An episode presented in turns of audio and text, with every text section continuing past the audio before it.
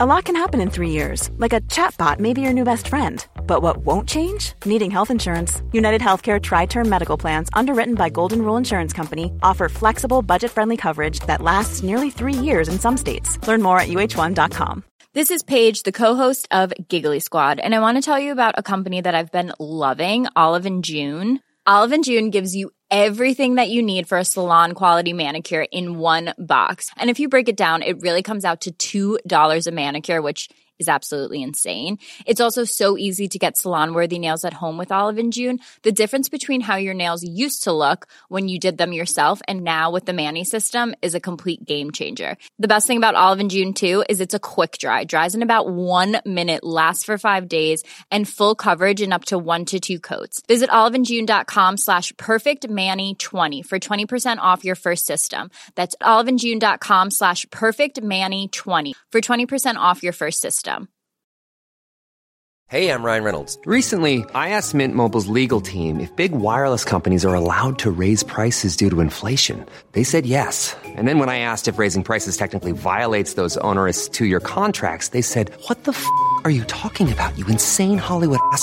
So to recap, we're cutting the price of Mint Unlimited from $30 a month to just $15 a month. Give it a try at mintmobile.com slash switch. $45 upfront for three months plus taxes and fees. Promo for new customers for limited time. Unlimited more than 40 gigabytes per month. Slows. Full terms at mintmobile.com.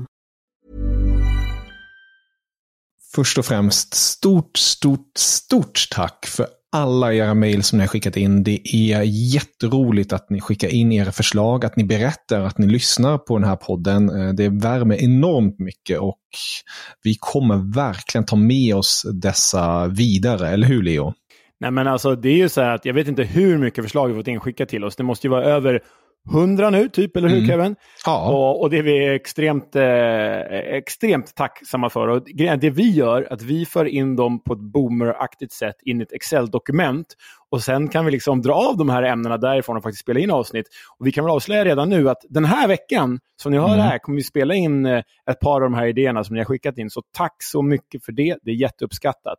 Men utöver det, så skulle vi vilja be er om en sak till. En tjänst till, om ni orkar och förstås om ni vill.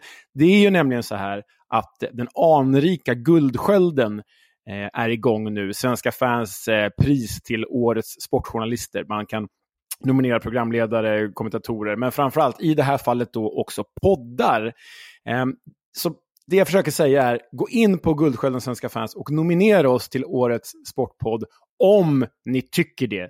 Ska absolut inte tvinga er till någonting ni inte vill. Vill ni inte nominera oss, nominera någon annan. Det finns flera andra bra sportpoddar där ute. Men vi blir väldigt glada om ni nominerar oss för ja, ju fler som lyssnar på oss, desto större chans att vi fortsätter helt enkelt. Exakt så. Och återigen, stort tack. Eh, Det är väldigt roligt att höra alla era fina ord och det, det ger en styrka att vilja fortsätta och göra det ännu bättre helt enkelt. Innan vi eh, började spela in eh, det här introt, Kevin, så pratade vi ju faktiskt om tröjnummer. För Mm. du sitter i en FC Samp-tröja med nummer 32 på bröstet. Det är ju Precis. Christian Vieris eh, gamla nummer, min husgud. Eh, och vi insåg ju att du och jag har ju ganska lik nummersmak. Det här blir smalt, men, Mm. men eh, det, det gladde mig att 13, 23 och 32, det är, liksom, det är på vår, vår topp 5-lista av tröjnummer. Exakt, exakt. Ja, det är väldigt fascinerande det där med nummersmak eh, och sådant. Men det är nördigt och kul, precis som den här podden. Vi kanske ska göra ett ordentligt topp 5 tröjnummer, inte bara den här lilla bonusen nu, men liksom topp 5 fotbollsnumerologi och då liksom försöka gå mer på vilka spelare som har haft typ nummer 9 och vilka som har haft nummer 7 och vilka som har burit 99 i det ett brott. Det kan vi göra någon gång. Topp 5 eh, fotbollströjnummer. Det tycker jag verkligen. Det, tycker jag, Men det blir inte idag. det gör vi inte idag. Det gör vi inte idag. Vi ska prata med en, eh, en vän till mig som också du har eh, pratat lite mer med nu och eh, ta oss igenom det här med tränare. För det är alltid kul. Mm, det är ju det. Mm. God lyssning.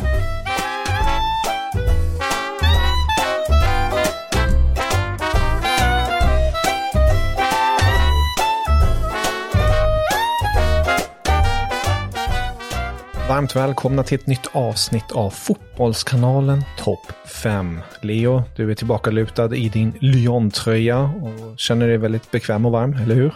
Ja, varm. Jag har precis spelat badminton. Det är du. Sånt eh, Sådana där liksom eh, fotvrickar-grejer jag börjat ägna mig åt så här eh, på ålderns höst, höll jag på att säga. Så gammal är jag inte. Men på den här sidan nyår. Nej, men jag eh, känner mig avslappnad och bra inför det här mötet. Inför liksom vårt, om vi ska vara ärliga, får vi faktiskt säga vårt första avsnitt som vi spelar in 2024. Även om vi har släppt mm. tidigare 2024. Stämmer bra det. Du, du, du, avslöjade ju vårt första så kallade avsnitt som kom ut 2024, att det inte var 2024. Du, du dödade ju den direkt där när vi spelade in. Men ja, mm. det är som det är. Förlåt, det är som det är. Nej, det, det, är lugnt. Det är lugnt. Ja, eh, det är riktigt roligt. Nytt år, nya möjligheter och allt till där. Och eh, med ett nytt år kommer också nya gäster. Och därmed är jag jätteglad att eh, presentera en gammal god vän Missa Thule från den sköna underbara podden som har slagit riktigt fin TikTok eh, genom kraft det senaste året, nämligen Parken Södra. TikTok? TikTok? Är, jag gammal nu kanske? Är det är inte det där godiset? Jo, precis. Jo, exakt. Jag är fan sötsugen här nu redan. Eh, TikTok, självklart. Uh, ursäkta mig. Uh, TikTok och det är Mirsa, god dagens, hur mår du? Tack så jättemycket för eh, introduktionen. Jag mår jättebra, hoppas eh, ni också mår bra. Det gör vi. I alla fall jag. Absolut. Jag kan inte tala för dig Leo, du får tala för dig. Nej, men jag mår bra. Men jag, jag mår framförallt bra för att jag har inför det här avsnittet fått bekanta mig med, med Parken Södra också och kanske fått bekanta mig ännu mer med TikTok. För till skillnad från dig Mirza så är jag en boomer. Jag, är ju liksom, eh, jag har ju TikTok-konto men jag använder det inte så mycket. Men nu har jag faktiskt eh, spejat lite på Parken Södra här och eh, jag förstår varför ni har så jäkla många följare. Mm. Det är härligt content där ni pratar. Först var det mycket lokalt eh, som jag förstått det från det Mesa, men det har blivit bredare och bredare med, med tiden som gått, eller hur? Eh, man brukar säga att man hör på min dialekt att jag är från Norrköping, men eh, vi var ju från början en väldigt lokal podd. Vi startade 2019 och sen har vi successivt eh, liksom försökt bredda eh, vår repertoar och liksom intervjua även alltså, nationella profiler och sen Ja, sen hittar vi inte TikTok utan TikTok. Men eh, eh, nej Kevin, där kommer du få höra resten av avsnittet. Men eh, och TikTok har ju varit egentligen där vi har slagit igenom mest egentligen på ganska kort tid. Så att jag skulle säga att eh, eh, det är väl där som vi har fått upp vårt namn lite, även om såklart vi har ju också mycket att jobba med. Mm. Ja. Det är roligt och spännande att följa och eh, för er som lyssnar på det här rekommenderar vi varmt att kika in på Parken Södra på eh, de samtliga plattformarna. Jag ska inte säga TikTok igen. Men vi ska inte prata om eh, sötsaker, vi ska inte prata om Norrköping i detta fall. kära Misa, vi ska prata... Det vet du ja, inte. Det, Kanske dyker upp en Norrköpingstränare. Ja, det stämmer. Det, det, det ska jag inte säga. Det, nu ska jag inte ta saker på förhand. Men vi ska prata framför allt om underskattade tränare. Jäkla kul! Ja, det är ju ett pangämne, alltså. jag blev väldigt glad när vi kom fram till det här ämnet. För eh, Vi har kört överskattade tränare, du och jag, sågades ju för att vi hade med Mourinho och Guardiola. Jag tror inte någon av dem kan eh, beskyllas för att vara underskattade, men det finns, tycker jag i alla fall, jag vet inte vad du kände Mirza, men jag tycker det finns en diger lista underskattade tränare som inte fått liksom, det beröm som de faktiskt förtjänar. Så jag hade ganska svårt att, att lista de här fem om jag ska vara ärlig. Jag kan säga att min femma hade nog ingen i Sverige valt, förutom mig. Så att eh, det är en, ett riktigt finsmakarnamn. Eh, och eh, jag tror det kommer väcka lite reaktioner, men väldigt subjektivt val. Så att ja, jag tror det kommer vara två bra listor. Jag hoppas det i alla fall. Kul. Ja, härligt. Och subjektivt är det ju hela det här. Det är ju inte facit eh, alltid. Ibland när jag säger saker, eller när Leo säger vissa saker, som listkungen han är. Men eh, det är ju framförallt subjektivt och det är det som är så himla roligt med dessa listor. Och ni som är nya i det här sammanhanget i vår podd så är det ju en lista där eh, Leo, framförallt då, och då gästen får presentera en och en och så hoppar vi fram och tillbaka och diskuterar lite. Och vi börjar i detta fall med dig Mirsa. Plats fem. Ja, och eh, det här är ju en eh, storspelare från eh, mina områden. Är ju faktiskt, blev ju framröstad till PSGs bästa spelare någonsin tror jag. Men han har ju i och för sig inte lyckats jättemycket som tränare. Men jag vill faktiskt ha honom som nummer fem eh, av väldigt subjektiva anledningar. Det är alltså en eh, man som har styrt eh, kanske ett av de mest korrupta landslagen i Europa, lyckats ta landet till sitt hittills enda mästerskap Och eh, det roliga med den här tränaren är också att eh, han själv förutspådde ju att det bara skulle bli ett mästerskap. Det är ju lite eh, Balkans svar på Bella Gutman. Jag pratar om Safet Sushit faktiskt på plats nummer fem. Åh, stort. Det här gillar en frankofil som jag måste jag ju säga. Ja, och jag tänker, han är ju, jag skulle vilja säga i svensk fotboll är han ju, han är inte ens skattad, skulle jag säga. Men det här är väldigt subjektivt val och jag tänkte jag ska motivera lite för lyssnarna liksom vem egentligen Safet Susic är som tränare. Han har egentligen varit lite tränare i franska andra ligan, turkiska första och andra ligan. Han har inte gjort jättesuccé där. Men det han gjorde med Bosniens fotbollslandslag är faktiskt sensationellt. Dels för att det är så litet fotbollsland. Eh, vad är det, hur många bor i Bosnien? Kna knappt över tre miljoner. Men också att hur sättet vi spelade under Safet Sushis regim, det var eh, väldigt, väldigt kul som supporter. Och eh, de dagarna minns man verkligen med glädje. Och för att förklara liksom han tog ju över efter 2009 då, då hade ju Bosnien missat eh, VM eh, efter playoff, förlåt mot Portugal. Och sen då, det som hände 2011 var ju att eh, det var en det var väldigt rörigt i Boska fotbollsförbundet kring själva styret i förbundet. Man fick sanktioner av Uefa tror jag, eller Fifa.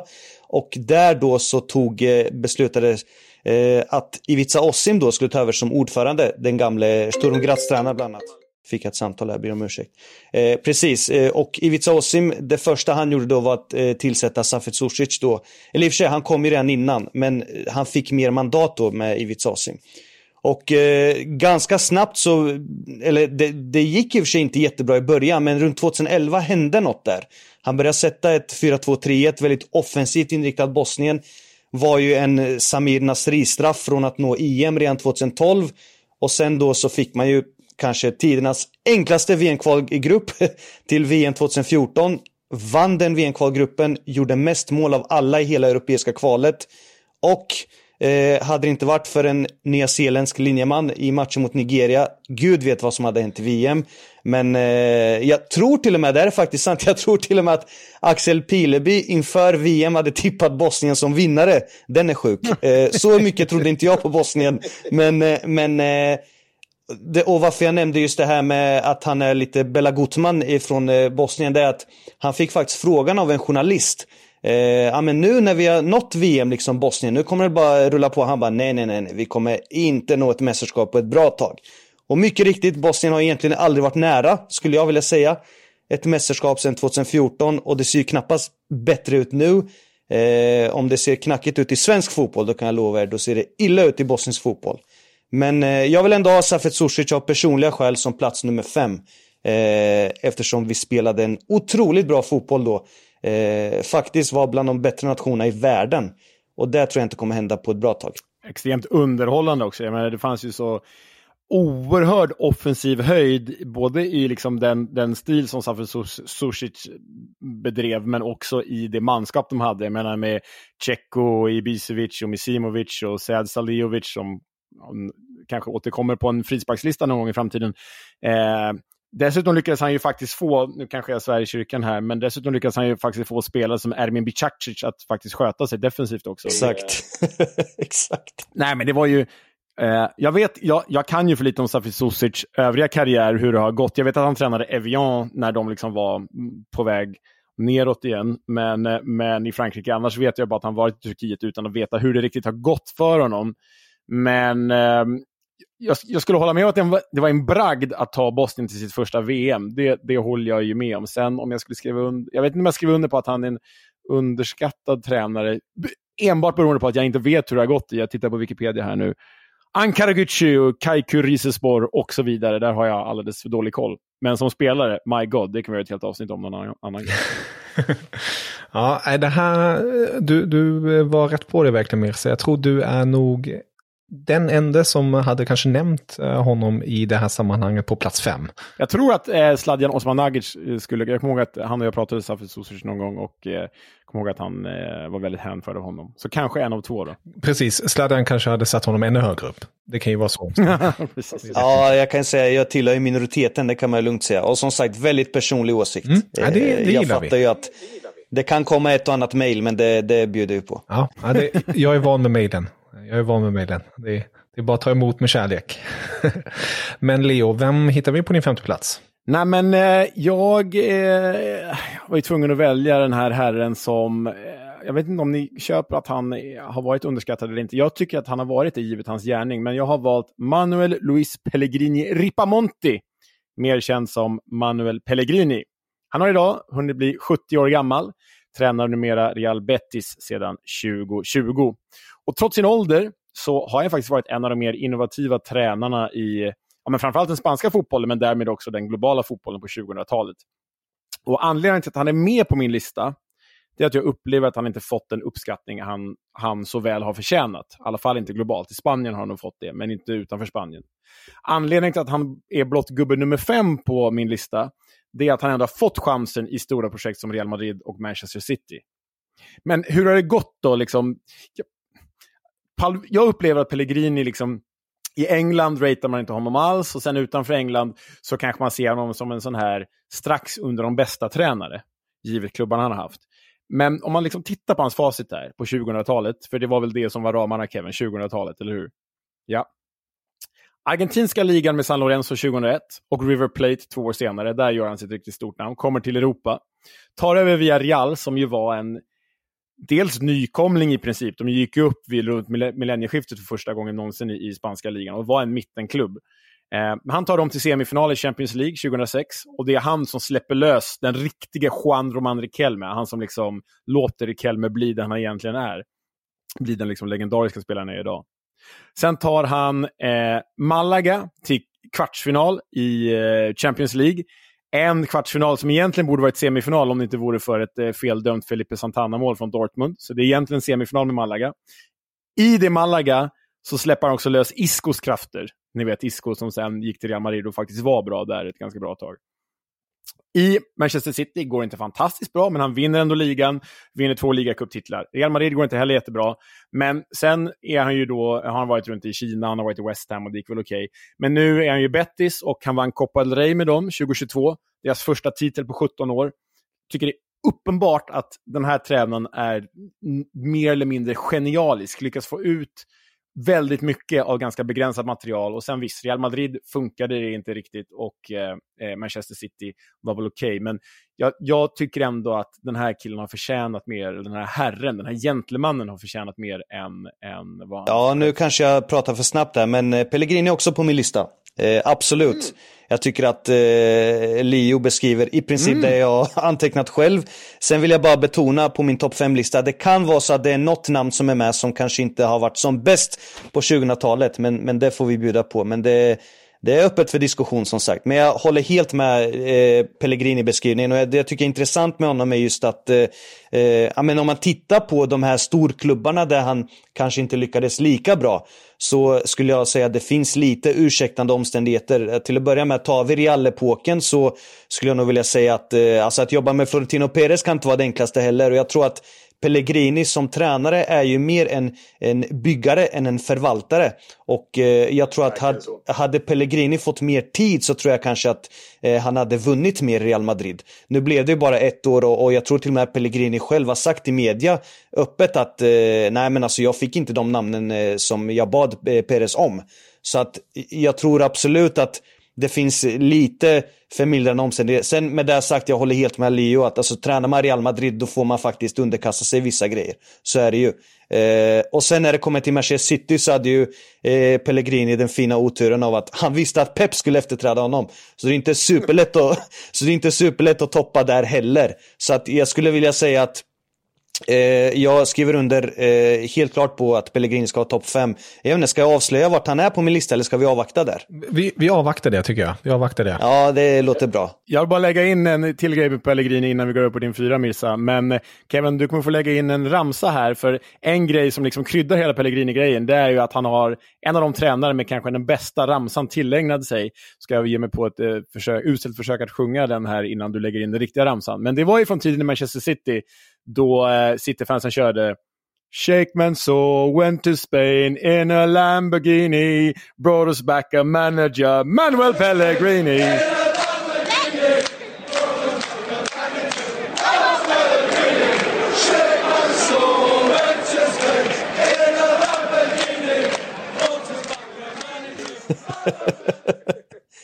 Den är bra faktiskt, jag ska inte ljuga.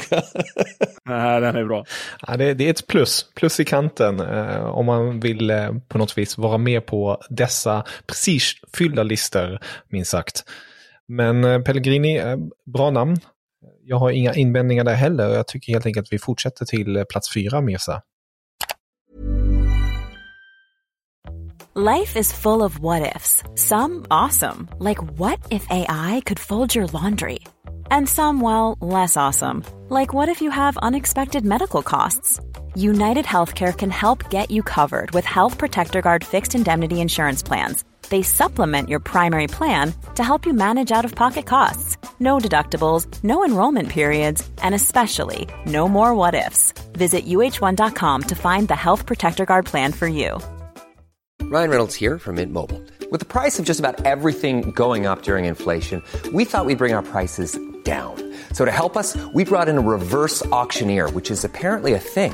Mint Mobile unlimited premium wireless. Ready to get 30, 30, bit to get 30, bit to get 20, 20, 20, bit to get 20, 20, bit to get 15, 15, 15, 15 just 15 bucks a month. So, Give it a try at mintmobile.com slash switch. $45 upfront for three months plus taxes and fees. Promo rate for new customers for limited time. Unlimited more than 40 gigabytes per month. Slows. Full terms at mintmobile.com. When you're ready to pop the question, the last thing you want to do is second guess the ring. At Bluenile.com, you can design a one of a kind ring with the ease and convenience of shopping online. Choose your diamond and setting. When you find the one, you'll get it delivered right to your door. Go to Bluenile.com and use promo code LISTEN to get $50 off your purchase of $500 or more. That's code LISTEN at Bluenile.com for $50 off your purchase. Bluenile.com code LISTEN. Plats fyra. Ja, har vi en tränare som eh, jag tycker har försvunnit lite under radarn sett till hans otroliga meritlista. Alltså det här är ändå en tränare som har vunnit i princip allt. Eh, och då snackar vi inte bara klubblagsnivå utan även landslagsnivå. Eh, kan väl uppleva kanske att till hans nackdel att han kanske eh, inte har en så bred klubbkarriär eh, som gör att han rankas bland de allra största. Jag vill ändå ha honom som fyra på min lista. Jag pratar om Vicente del Bosque faktiskt. Mm. Ja, eh, och jag tänker vi kan ju börja med att förklara Vicente del Bosque. Han är ju en riktig madridista liksom. En riktig Real Madrid-ikon. Han hade ju i princip alla funktioner i klubben innan han la tränarkarriären på hyllan. Eh, redan i slutet av 80-talet då så var han ju tränare för eh, Castilla-laget. Sen gjorde han väl lite inhopp där, jag tror det var 94 och 96. Eh, fick han vara lite huvudtränare där. Eh, men det var runt millennieskiftet som liksom världen fick eh, nys om Del Bosque för första gången och eh, vann ju två Champions League-titlar år 2000 och 2002. Vann ju La Liga 2001, 2003 och sen, eh, sen Supercup. Ja, Supercupen kan man ju prioritera lite hur man vill som supporter. Men eh, vann ju klubblags-VM, allt som gick att vinna med Real. Och eh, faktiskt intressant statistik. Eh, varje år han basade över Real Madrid så gick de alltid minst i semifinal. Och eh, det är inte superlätt kan man konstatera. Så att eh, det kanske låter självklart idag för Real Madrid men, men det visar sig för 15-20 år sedan så var det verkligen inte. Och eh, jag tror till och med att eh, alltså Europacup-historiken. Jag tror att Del Bosca hade bäst track record ända sedan 50 och 60-talet.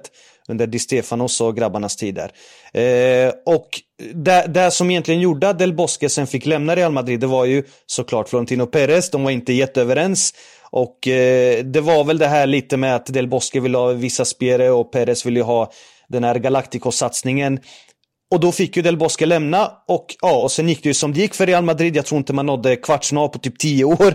Man hade väl eh, en tränarkarusell som, ja det var ju, vissa namn var ju, ja jag ska inte säga pinsamma, men det var inte lika bra namn som man var van med för att vara Real Madrid. Eh, ja, och eh, sen blev det ju då, eh, det var väl någon tripp till Besiktas som var sådär i och för sig. Men sen kom ju då spanska landslaget där han i princip, eller i princip, han vann allting. Eh, vann VM 2010, vann EM 2012 och eh, ja, jag tror till och med att det här är den enda tränaren än idag som har vunnit VM, EM, Champions League och klubblags-VM. Eh, och eh, la väl officiellt sin tränarkarriär på hyllan 2016, då var han ändå bara 66 år. Det är ingen jätteålder för att vara tränare. Så att jag tror att Del Bosques tidiga avsked från fotbollen har gjort att han är bortglömd. Men jag vill ändå ha honom på den här listan, jag tycker han är grym. Jag har inte ens tänkt på Del Bosque givet att jag liksom håller honom så högt själv. Men när jag tänker på det nu när du lägger fram det här så eh, känner jag nog att jag håller med. För givet att det liksom blev lite pyspunka på uppdraget i Spanien efter titlarna och givet att eh, han liksom försvann ur Real Madrid där och hamnade i det här Besiktas-helvetet ett kort tag. Eh, inget ont om Besiktas, det var bara en rörig, rörig situation där och då. Eh, så känner jag också att han kanske har försvunnit. Jag tycker det är något på spåren här. Och när man tittar på typ Real Madrid under 2000-talet så undrar jag om Del Bosque inte är den bästa tränaren de har haft. Att han, han nog är det. Bättre än Ancelotti, bättre än ja, definitivt bättre än Mourinho. Eh, eh, bättre än vilka vi andra kan, kan prata om. Liksom, rent sportsligt, det dummaste Florentino Perez har gjort, det var ju att liksom skeppa Del Bosque, Morientes, Hierro, Makelele på ett bräde för att ersätta dem med Galacticos y Pavones. Sen var det ekonomiskt gångbart förstås, men, men äh, jag håller med. Del Bosque är ju en bjässe i de här sammanhangen. Alltså, det, är en, det är en supertränare och jag skriver under på att han är lite underskattad slash bortglömd. Ja, verkligen. Speciellt där, som du var inne på där Mirsa, att han avslutade sin tränarkarriär för, vad är det nu, 2014? Ja, det är ju åtta år sedan redan. Så blir det ju lätt bortglömda stämpeln på det hela. Men eh, hans record kan man inte säga något emot. Om man är lite bitter över alla de där spanska framgångarna. Men eh, det är som det är. Det är som det är. Ja. Jag vill bara tillägga också att eh, det som framförallt många spanska spelare pekar på var Del Bosques storhet, det var att han lyckades ena Barca och Real-falangerna i landslaget. Det var ju väldigt, väldigt hetsigt under liksom hela den här Mourinho-Guardiola-epoken i början av 2010-talet, slutet av 00-talet och, och eh, han var ju en enande kraft. Han fick ihop liksom de här nyckelspelarna och det var egentligen en stor anledning till att Spanien var en stormakt där under de här tre, fyra åren. Så det är klart att eh, där kan man inte heller underskatta i sammanhanget, eh, tycker jag. Nej, det var ju verkligen två gubbar som gjorde sitt arbete där. Argones före honom och sen då Del Bosque. Så Nej, bra. Bra shout. Ja, riktigt bra. Frågan är om han inte borde vara högre upp med tanke på hur du lägger fram det. Så vi, vi får väl se vilka personer du har högre upp här med. Svårt att toppa nu. Nu ska jag blidka dig eh, Kevin. Plats ja. fyra. Så har jag tyskt på listan. Mm. Eh, och här... Fantastiskt, du har börjat med det mer och mer. det, det, är bra. Du börjar komma in i det hela. här har jag liksom en tysk motsvarighet till Giro. Och alla som kan sin franska fotboll vet att Giroud var tränare i Auxerre i 44 år. Tyvärr kommer han inte in på den här listan givet att eh, majoriteten av dem var ju på 2000-talet. Men Giroud kan vi prata om en annan gång. Här har vi då Christian Streich. Tränat eh, ah, Freiburg sedan 2011 som A-lagsansvarig. Men räknar man med hans år som assisterande och ungdomstränare så har han ju varit Freiburg trogen sedan 1995. Sen spelade han ju för dem på 80-talet också. Men vad är det för merit då, att, spela, att liksom vara tränare länge i en klubb? Jo, bara det i sig är faktiskt en jäkla merit givet hur den moderna fotbollen ser ut. Det här säger någonting om Streichs tålamod och om hans lojalitet och det säger något om Freiburgs tålamod och lojalitet. Det här behöver vi mer av i fotbollen, enligt mig, i den penga och resultatstinna fotbollen idag. Men vad har han lyckats med då, nu får du rätta mitt uttal här Kevin, hos Die Breisgau Brasilianer? Är det rätt eller? Ja, ja, det tycker jag. Man förstår vad du menar. okay. Det är det viktiga. Jo, låt mig berätta. När Christian Streich tog över ansvaret mitt under brinnande säsong 2011, då låg Freiburg sist i tabellen, Bundesliga, jumbo alltså. Han höll dem kvar genom att eh, bland annat slå klubbrekord, 10 raka matcher obesegrade i Bundesliga som avslutade säsongen, höll dem kvar. Året därpå, alltså ett och ett halvt år efter att han tog över dem där de låg sist, så leder han dem till femte plats i ligan. Det är klubbens bästa placering i Bundesliga på närmare 20 år vid det här tillfället. Det i ett Freiburg som har ja, men, näst minst budget i hela ligan den här säsongen och näst minst omsättning. Det ska man ta med sig. Således förde han också ut Freiburg till Europa för första gången på 12 år. Freiburg är ju, förlåt, i sammanhanget är det en skitklubb. Du får gärna utveckla här Kevin. För det är, det är, det är en fin klubb, men det är en väldigt... Om du pratar om Sverige som blåbärsnation så är Freiburg en ännu mindre klubb. Liksom. Så är det ju. Ja, Freiburg är en mindre klubb, men eh, stämpeln skitklubb skulle jag väl inte kategorisera det som. Nej, men I storlekssammanhanget är det en skitklubb, men det är en väldigt fint skött, väldigt välskött klubb. Ja. Samma säsong då som de kom femma så förde han dem till semifinal i Tyska cupen. Det är första gången någonsin i klubbens historia. Över hundra år gammal klubb då. Sen, sjukt nog, åker han ur Bundesliga året därefter för att sen ta upp dem direkt 2016. Säger något om klubben att de håller kvar honom. Och efter uppkomsten, upp, att de kom tillbaka 2016, så lyckas han ta dem igen till en femteplats och igen till semifinal i Tyska cupen. Han har utsetts till årets tränare flera gånger i Tyskland, så i Tyskland ratear man ju honom. Han har ryktats till flera större klubbar. Det sägs att han har tackat nej till större klubbar genom åren. Um, så i Tyskland är han väl inte underskattad. Och hos våra kära kollegor på Offside, Anders Bengtsson och framförallt Johan Orenius, de har gjort ett väldigt fint reportage om honom och Freiburg, så de ratear honom också. Men utöver det så känns det som att ingen liksom har riktigt koll på vad Streich har gjort. Och dessutom cyklar han till träningen. Det är, är jävligt fint. Så nej, Christian Streich får alldeles för lite uppskattning. Oerhört underskattad. Underbart, det underbart. Jag trodde nästan att du skulle nämna här Frank Schmidt från Heidenheim. Men det, det kanske är nästa underskattade tränaravsnitt. Heidenheim är för smalt för mig till och med. Ja, jag förstår det. Nej, eh, jag, jag, jag håller ju bara rakt med, av med här. Eh, han underskattas alldeles för mycket utanför de tyska gränserna. Hur ser det ut hos dig, Mesa? Har du strejk på kartan? Nej, verkligen inte. Jag tyckte det här var eh, väldigt fin eh, Bundesliga-lektion måste jag säga. Jag hade ingen koll på honom alls och jag tycker det, det som är fint med den här typen av namn är ju också att jag tycker att de mer och mer blir, alltså de här, de här tränarna kallar jag för utrotningshotade. Alltså de här tränarna som sitter 5, 10, 15 år. Det är ju i princip, vilka är det? Det är Simeone, det är eh, snart Klopp. Men alltså det är inte många tränare idag i de stora ligorna som sitter mer än 5-6 år. Så att, att få höra det här namnet tycker jag är väldigt fint. Och, och, eh, och apropå om man jämför det här namnet med till exempel Safet Sushi, du nämnde ju att han är uppskattad i Tyskland. Sushi skulle jag säga är tyvärr lite för bespottad i Bosnien. Så att, så att jag tycker att där tycker jag också det finns en kulturell skillnad i hur man, hur man ser på stora tränarnamn och stora tränargärningar i Tyskland jämfört med Bosnien. Vilket också kanske sammanfattar lite varför, varför fotbollsnationerna är som de är. Eh, men eh, positiv överraskning, jag hade ingen aning om honom faktiskt. Så att eh, kul. Jag gillar det. Ja, underbart. Jag är nöjd. Bra jobbat Leo. Bra, du skyllde mig en kaffe och en cola. Det låter som att jag mutat det. Ja. Det har jag verkligen inte gjort. nej, nej, nej. Han är med. Mirsa, vem hittar vi på första pallplatsen hos dig? Plats tre. Eh, första pallplatsen, då blir det Leos femma, Manuel Pellegrini. Och jag vet inte, jag tyckte Leo egentligen sa ganska mycket bra grejer. Mm. Men jag vill bara lägga till också det här, jag vet inte, jag tror i och för sig Leo nämnde Villarreal och Malaga, men jag tycker det är ändå eh, också väldigt, väldigt eh, ja, men, stora meriter. Alltså lilla Villarreal är ju egentligen en Riquelme-straff för att slå ut eh, mitt kära Arsenal. Tack och lov så var eh, liksom äcklet Jens Lehmann där och rädda oss. Jag älskar, för, jag älskar för övrigt Jens Lehmann, men han är ju vidrig alltså. Men jag älskar honom som målvakt. Han är lite Tysklands Emiliano Martinez. Liksom. Det går inte att gilla honom, men man gillar honom ändå. Eh, och eh, Ja, och sen eh, liksom Malaga och, och eh, sen blev det som det blev med Malaga och ekonomin och inte dit. Men, men just att han har gjort så bra grejer i princip varje klubb. Eh, faktiskt också, jag läste lite kuriosa kring City-tiden. För eh, 13-14 eh, då, där då City vann eh, ligan, eh, så var det faktiskt mm. alltså, flera som hävdade att liksom, City var ligans bästa lag spelmässigt. Och, och jag tittar faktiskt på lite statistik och tydligen eh, i slutet av januari då, 2014, så hade då City redan gjort 115 mål i alla tävlingar. Det är liksom Pep Guardiola-statistik. Ja, det är jävla, sjukt det är Och han hade tydligen, ja. då hade Pellegrini City till och med slagit Busby Babes från Uniteds rekord, alltså från 57-58. Så att Alltså det, det där menar, den här offensiva fotbollen som Pellegrini förespråkar, han är underskattad. Jag tror det har att göra med att just i City hamnar han i skuggan av Pep.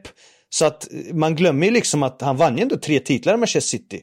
Och jag visste inte det innan jag läste om honom. Så att eh, jag, det är därför han faktiskt är så högt upp som plats tre. För jag tycker ändå att han inte gjort bort sig egentligen i någon klubb. Utan det har mer varit Alltså så här, ja men ta West Ham till exempel. Där var det snarare lite för mycket mellanmjölk skulle jag säga. Men, men eh, liksom gentleman in, verkar vara liksom, han ger i alla fall det intrycket. Eh, och sen kanske det också är så att eh, han är, nu är inte Chile ett litet land, men jag tror också att beroende på vart man är ifrån så kanske man ses på ett annorlunda sätt. Jag tror som du säger att Premier League och den liksom engelska fotbollen tror jag generellt eh, underminerar lite tränare från Sydamerika och andra eh, delar av världen. Så att, eh, jag, jag värderar Pellegrini jättehögt faktiskt. Och han har gjort bra grejer i Betis också, vunnit Copa del Rey som sagt. Så ja, plats tre för mig. Ja, men vi är ju helt överens. Jag tror ju tyvärr att liksom den stora massan dömer honom på det där året i Real Madrid när man egentligen ska döma honom på alla andra år i hans karriär. Egentligen så. Eh, Pellegrini, absolut given på en sån här lista tycker jag. Eh, om jag hoppar vidare på min trea då, så är jag lite som Del Bosque inne på en tränare som hade sina största triumfer före år 2000. Då vann han Europacupen med PSV Eindhoven. Det är ju en jävla bedrift bara det. Eh, och så tog han ju Nederländerna till VM-semifinal 1998. Men Hans 2000-tal har varit grymt också. Jag pratar om Jos Hiddink. Eh, bilden av honom idag är att han var en kringflackande gubbe med förmåga ibland att göra något stort av något ganska litet. Och det är ju en sanning som stämmer, men också en sanning med modifikation. För den här nederländska gubben var det ta mig fan krut i alltså. Om vi bara tar 2000-talet, lyssna på det här. VM-semifinal med Sydkorea 2002. Aldrig hade ett asiatiskt land gått så långt tidigare. EM-semifinal med Ryssland 2008, ni vet med Arshavin, Kirkov och gänget. Ryssland hade inte varit så bra sedan Sovjetunionens dagar.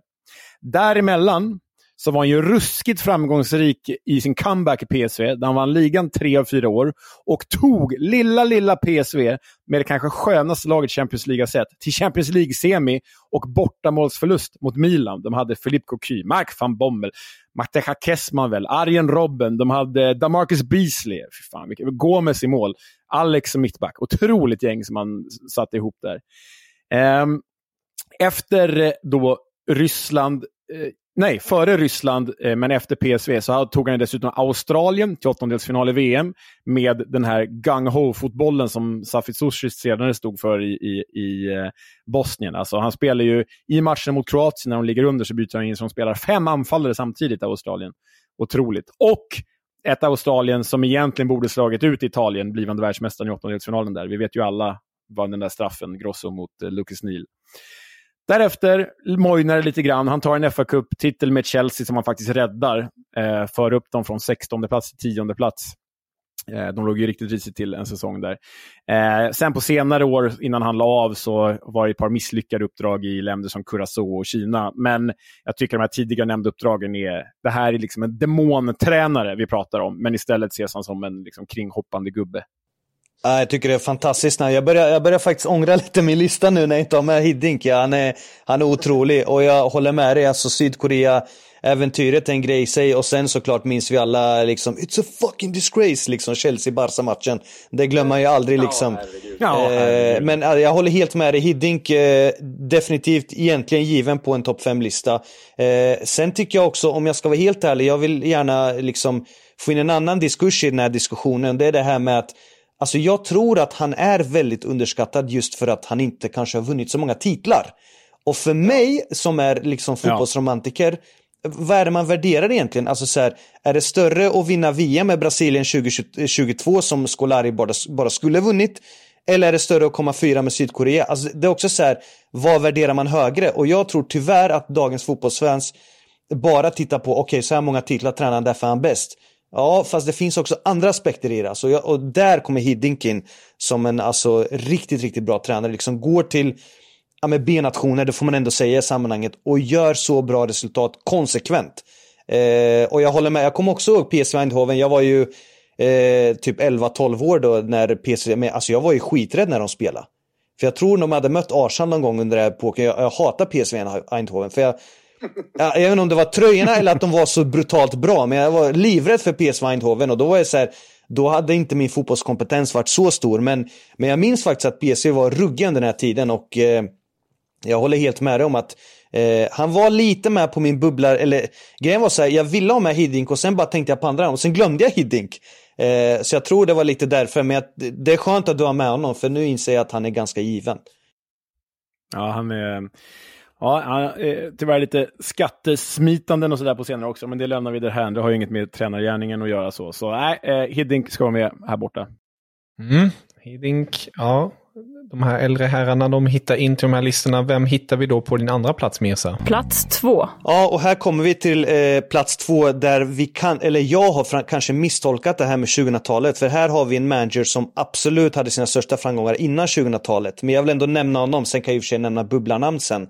Men eh, det här är alltså en tränare som, hör och häpna, har tränat tre Ballon d'Or-vinnare. Eh, jag kan säga att den här tränaren är inte TikTok. Det här är, eh, det här är inte ens internet, det här är fax när jag pratar om den här tränaren. Jag pratar om Valeri Lobanovski faktiskt, plats två. Ja, ja, ja, det är ju bra namn att slänga in här. Alltså, det är, undrar hur många som har koll på det, för det är ett otroligt namn. Jag tror vår yngre generation har nog inte eh, någon, någon större koll där. Du får gärna berätta Mesa. Ja, eh, och, eh, och grejen är den nu, det är därför jag redan nu lägger in en brasklapp om att jag misstolkade det här med 2000-talet. Men jag, jag bjuder på den. Eh, och Lobanovski då, född 1939, då när andra världskriget började. Eh, och som sagt, legendarisk tränare i Dynamo Kiev, tränade Sovjets landslag. Eh, och ni ska också veta till lyssnarna här att alltså Dynamo Kiev under 70 80-talet, alltså det var en maktfaktor liksom. Det här var ju en av de största klubbarna i Europa. Vann ligan åtta gånger, kuppen sex gånger i Sovjet på 16 år. Det är inte illa pinkat. Eh, 1975 var ju Dynamo Kiev första laget någonsin från Sovjet vinna en stor europeisk titel. Eh, slog ju Ferencvaros i cupvinnarcupen och det sjuka var att eh, det finns till och med statistik. Den här, under den här turneringen hade han en vinstprocent på 88,88 procent. Bara kände var okej. det, det, är nu man inser så här, vad, vad, vad har jag missat liksom? Och eh, tydligen så var ju det högsta vinstprocenten ända tills 1920 då, där eh, Kevin Bayern då eh, toppade den här eh, procenten. Så att det är sjuk statistik den här tränaren har visat. Eh, vann cupvinnarcupen igen mot Atletico Madrid 86. Hade tre sessioner i Dynamo Kiev. Och det är det här som är det stora. Han var ju liksom i klubben under tre olika epoker. För mig, det som kännetecknar en stor tränare för mig, det är att du ska vara hållbar i flera epoker. Titta bara till exempel på en sån som Mourinho. Under 2000-talet har han ju varit en av världens bästa tränare. Än det idag, det går att diskutera. Och, och det där jag tycker är så stort med till exempel en person som Sir Alex som liksom, han, han försökte uppdatera sig själv med att hela tiden byta assisterande tränare. Eh, just för att få in nya influenser och utveckla sig själv. Eh, och Lobanovski var en sån. Han var ju bra jämt. Liksom. Och eh, till och med under 90-talet var ju Dynamo Kiev fantastiska.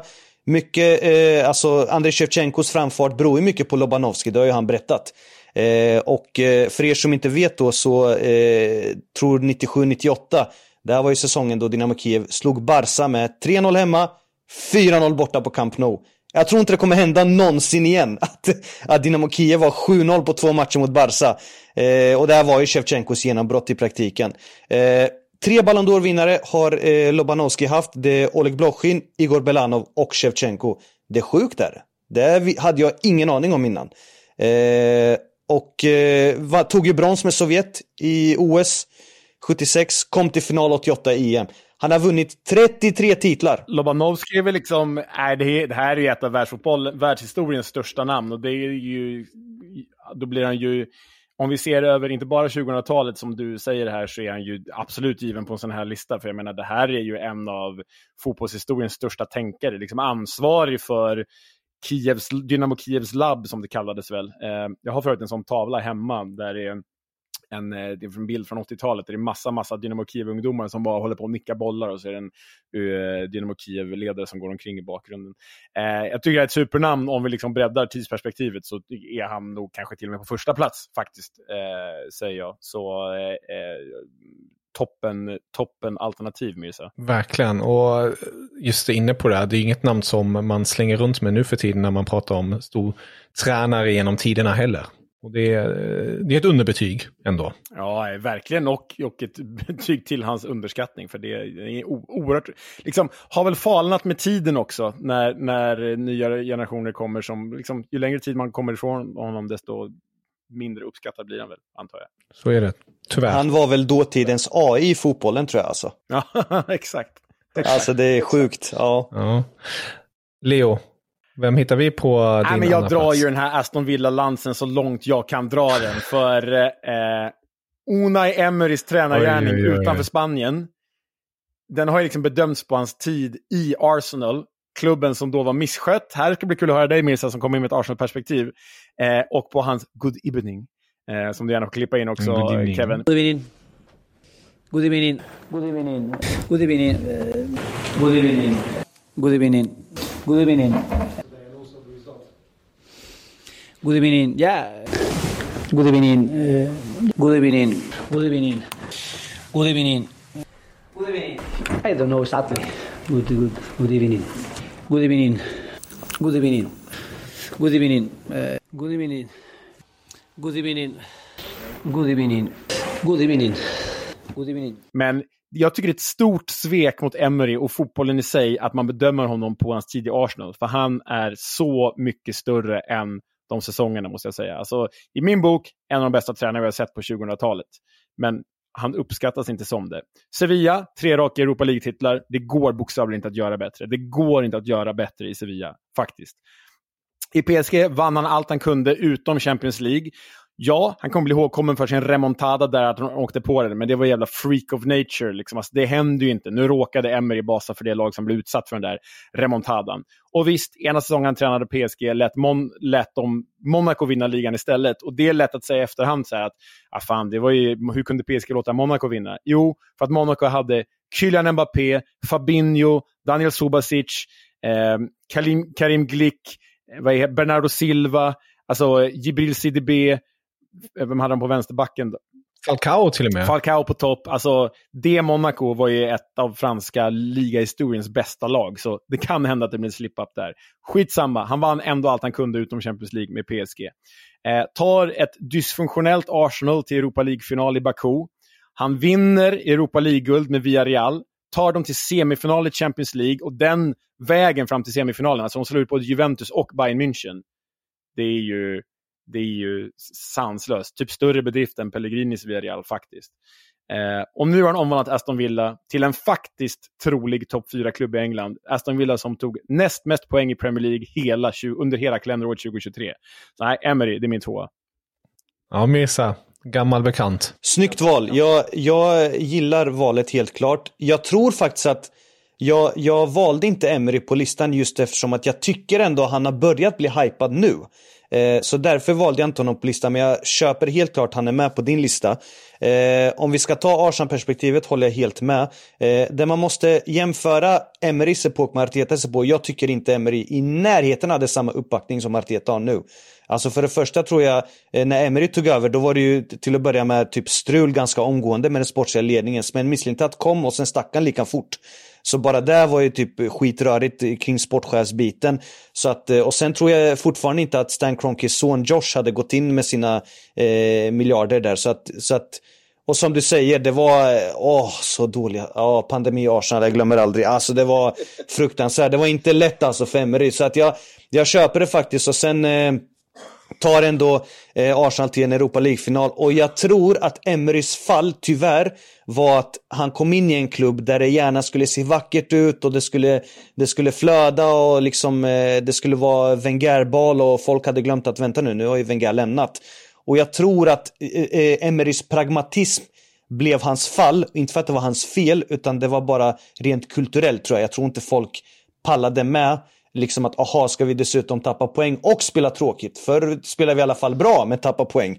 Liksom, och det är lite där Teta tycker jag kommer undan med. Eller kom undan med många år eh, innan han fick eh, eh, liksom sin spelidé att flöda. Så att eh, jag håller definitivt med om att Emery är underskattad och eh, verkar vara en väldigt skön kille. Och sen det där good evening, det kommer ju liksom, tyvärr det är ju engelsmän, det är ju, de, de hakar upp sig på det där. Men, men eh, eh, jag tror att eh, absolut att hans eftermäle kommer vara väldigt, väldigt bra. Eh, Eh, och ty tyvärr för Arsens del så, så är Aston Villa ruggigt, ruggigt bra. Alltså. Det, sen vet jag inte hur långt det kommer gå, men det han har gjort är fantastiskt. Absolut. Ja, jag, jag är inte förvånad att han, han kommer upp här på din lista, Leo. Du tar varje chans du har nu att pusha Aston Villa. Kevin, innan vi går vidare med Mirsas etta, så nu är vi någonstans här i podden där jag brukar fråga dig, vem saknar du? Mm. Ja, och jag, har tyckt att den här listan har varit väldigt svår. Ehm, ett namn som jag har tänkt på, som ni har pratat väldigt mycket om redan, det är Pellegrini. Ehm, det är, han känns väldigt given här. Ehm, positivt överraskad att du hade Streich med. Leo. Det, jag hade inte trott att du hade tagit med honom. Jag hade trott att du hade kanske hittat någon annan tränare i något eh, land som inte hade hört talas om kanske tidigare eller så. Men eh, det blev eh, Freiburg istället. Jag har inte så många fler namn. Jag, har kanske ett namn som jag tycker, men jag vet inte. Jag, jag brottats lite med mig själv där. Eh, och det är väl, om jag har förstått det hela rätt, går det inte så bra för honom nu för tiden på samma sätt. Men Benitez, är han inte lite underskattad?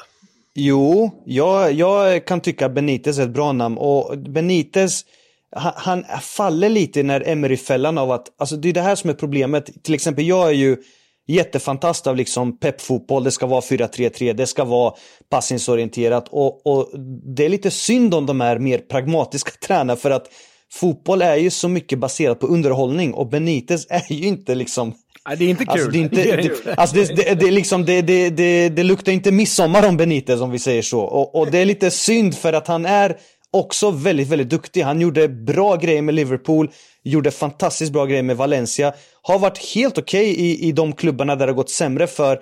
Men det är just att han spelar så primitiv fotboll som gör att folk inte ser storheten i Benitez. Jag, jag håller med Kevin helt klart att han, alltså, hade någon av oss haft Benitez hade jag inte protesterat.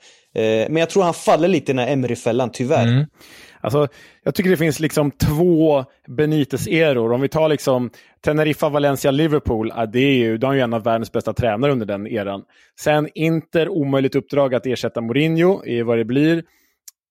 Och sen kommer det här, liksom, Chelsea gör han väl okej, okay. Napoli gör han okej, okay. Real Madrid gör han ju faktiskt bra, men får sparken ändå. Newcastle gör han sett till förutsättningarna bra, det ska han också ha. Sen Dalian, Everton och Celta Vigo. Jag kan ingenting om Dalian, men både Everton och Celta Vigo är ju ytterst dysfunktionellt skötta klubbar, så det är klart att det går dåligt där. Så jag vet, jag vet inte om jag tycker att han är underskattad, men jag tycker nog att han får för mycket skit i alla fall. Så kan jag säga. Mm. Ja, då, då låter du vara där. Tycker jag helt enkelt. Och går då till eh, nummer uno, Mirsa. Vem hittar vi där? Ja, om du ska bjuda Leo på en cola kan du bjuda mig på en resa till Maldiverna. Jag har en tysk på nummer ett. oj, oj, oj. Och en Bayern München-ikon.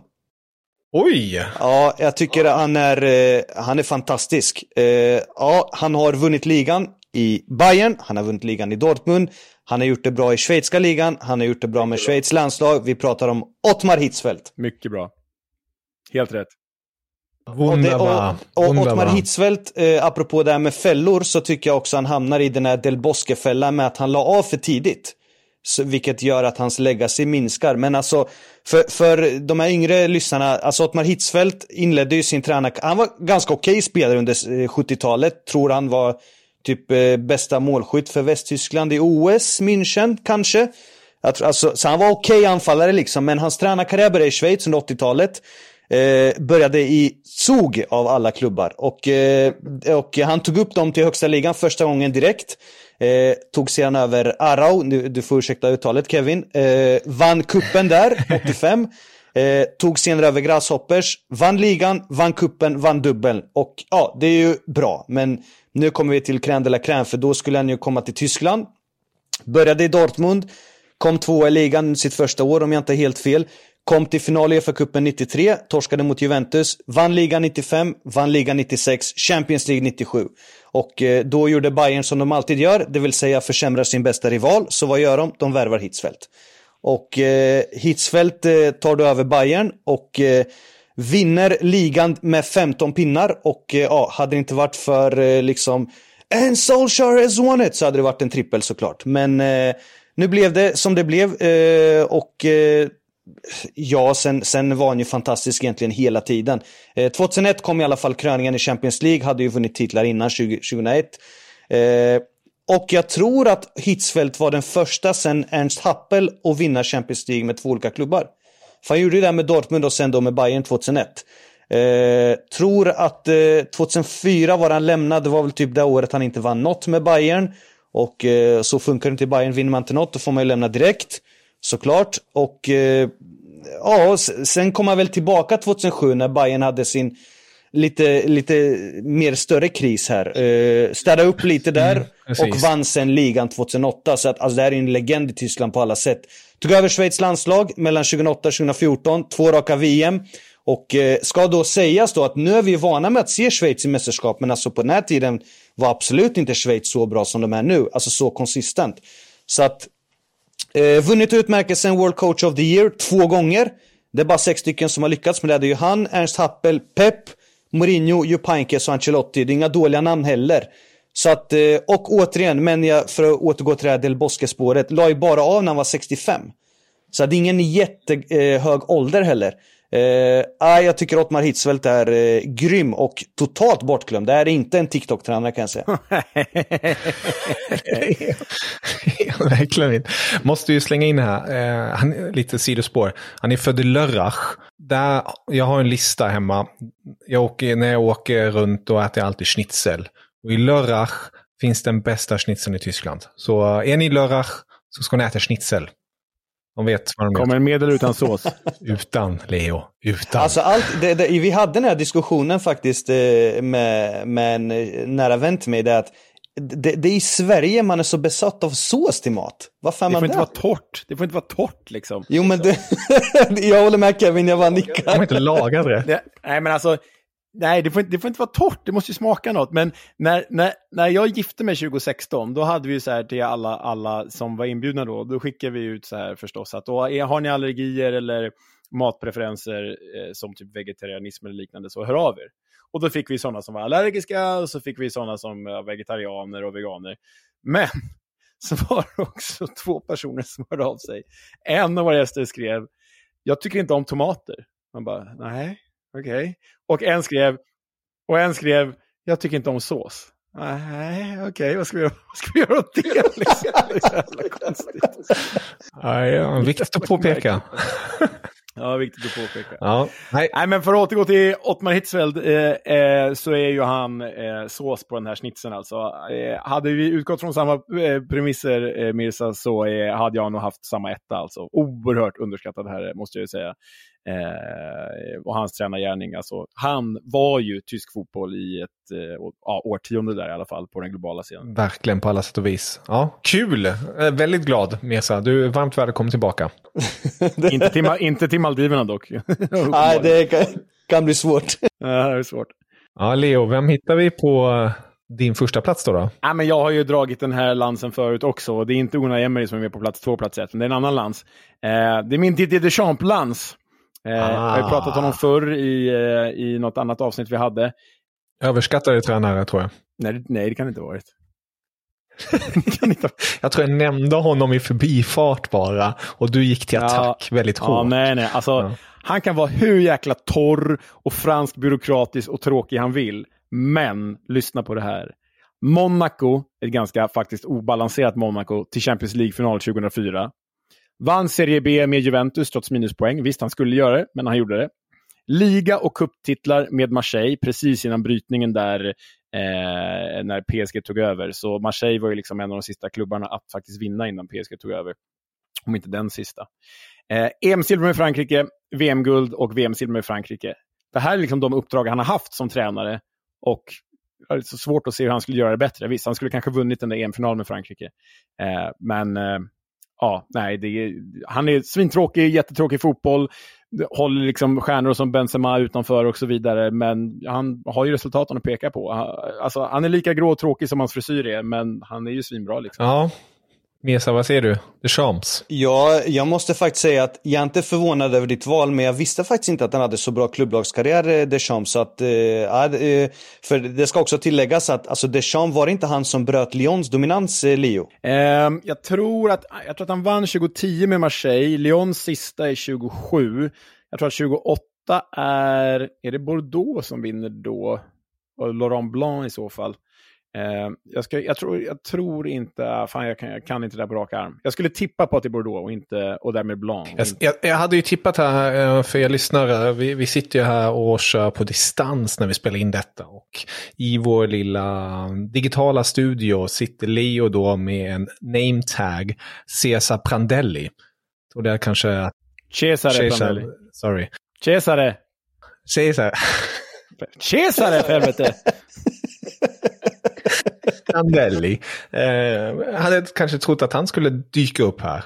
Men det blev det inget. Nej, det blev det inte. Eh, men det hade han kunnat göra givet eh, hans eh, insats i Fiorentina och i EM, givet EM-finalen 2012. Men nej, Prandelli är mer en personlig favorit än underskattad, skulle jag säga.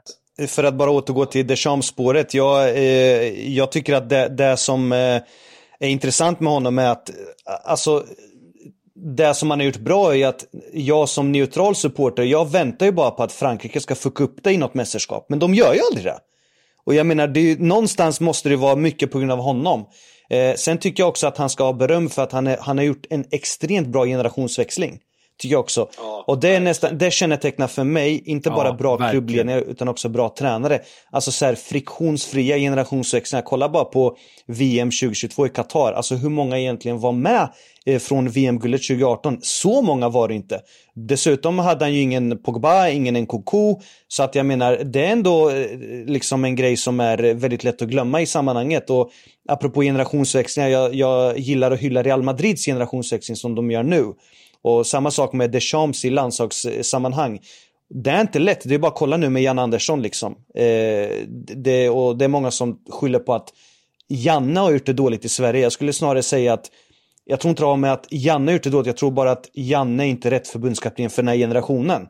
Eh, och jag tror att det är två, man måste liksom skilja på äpplen och päron där. Så att eh, där tycker jag, det har Deschamps gjort fantastiskt bra.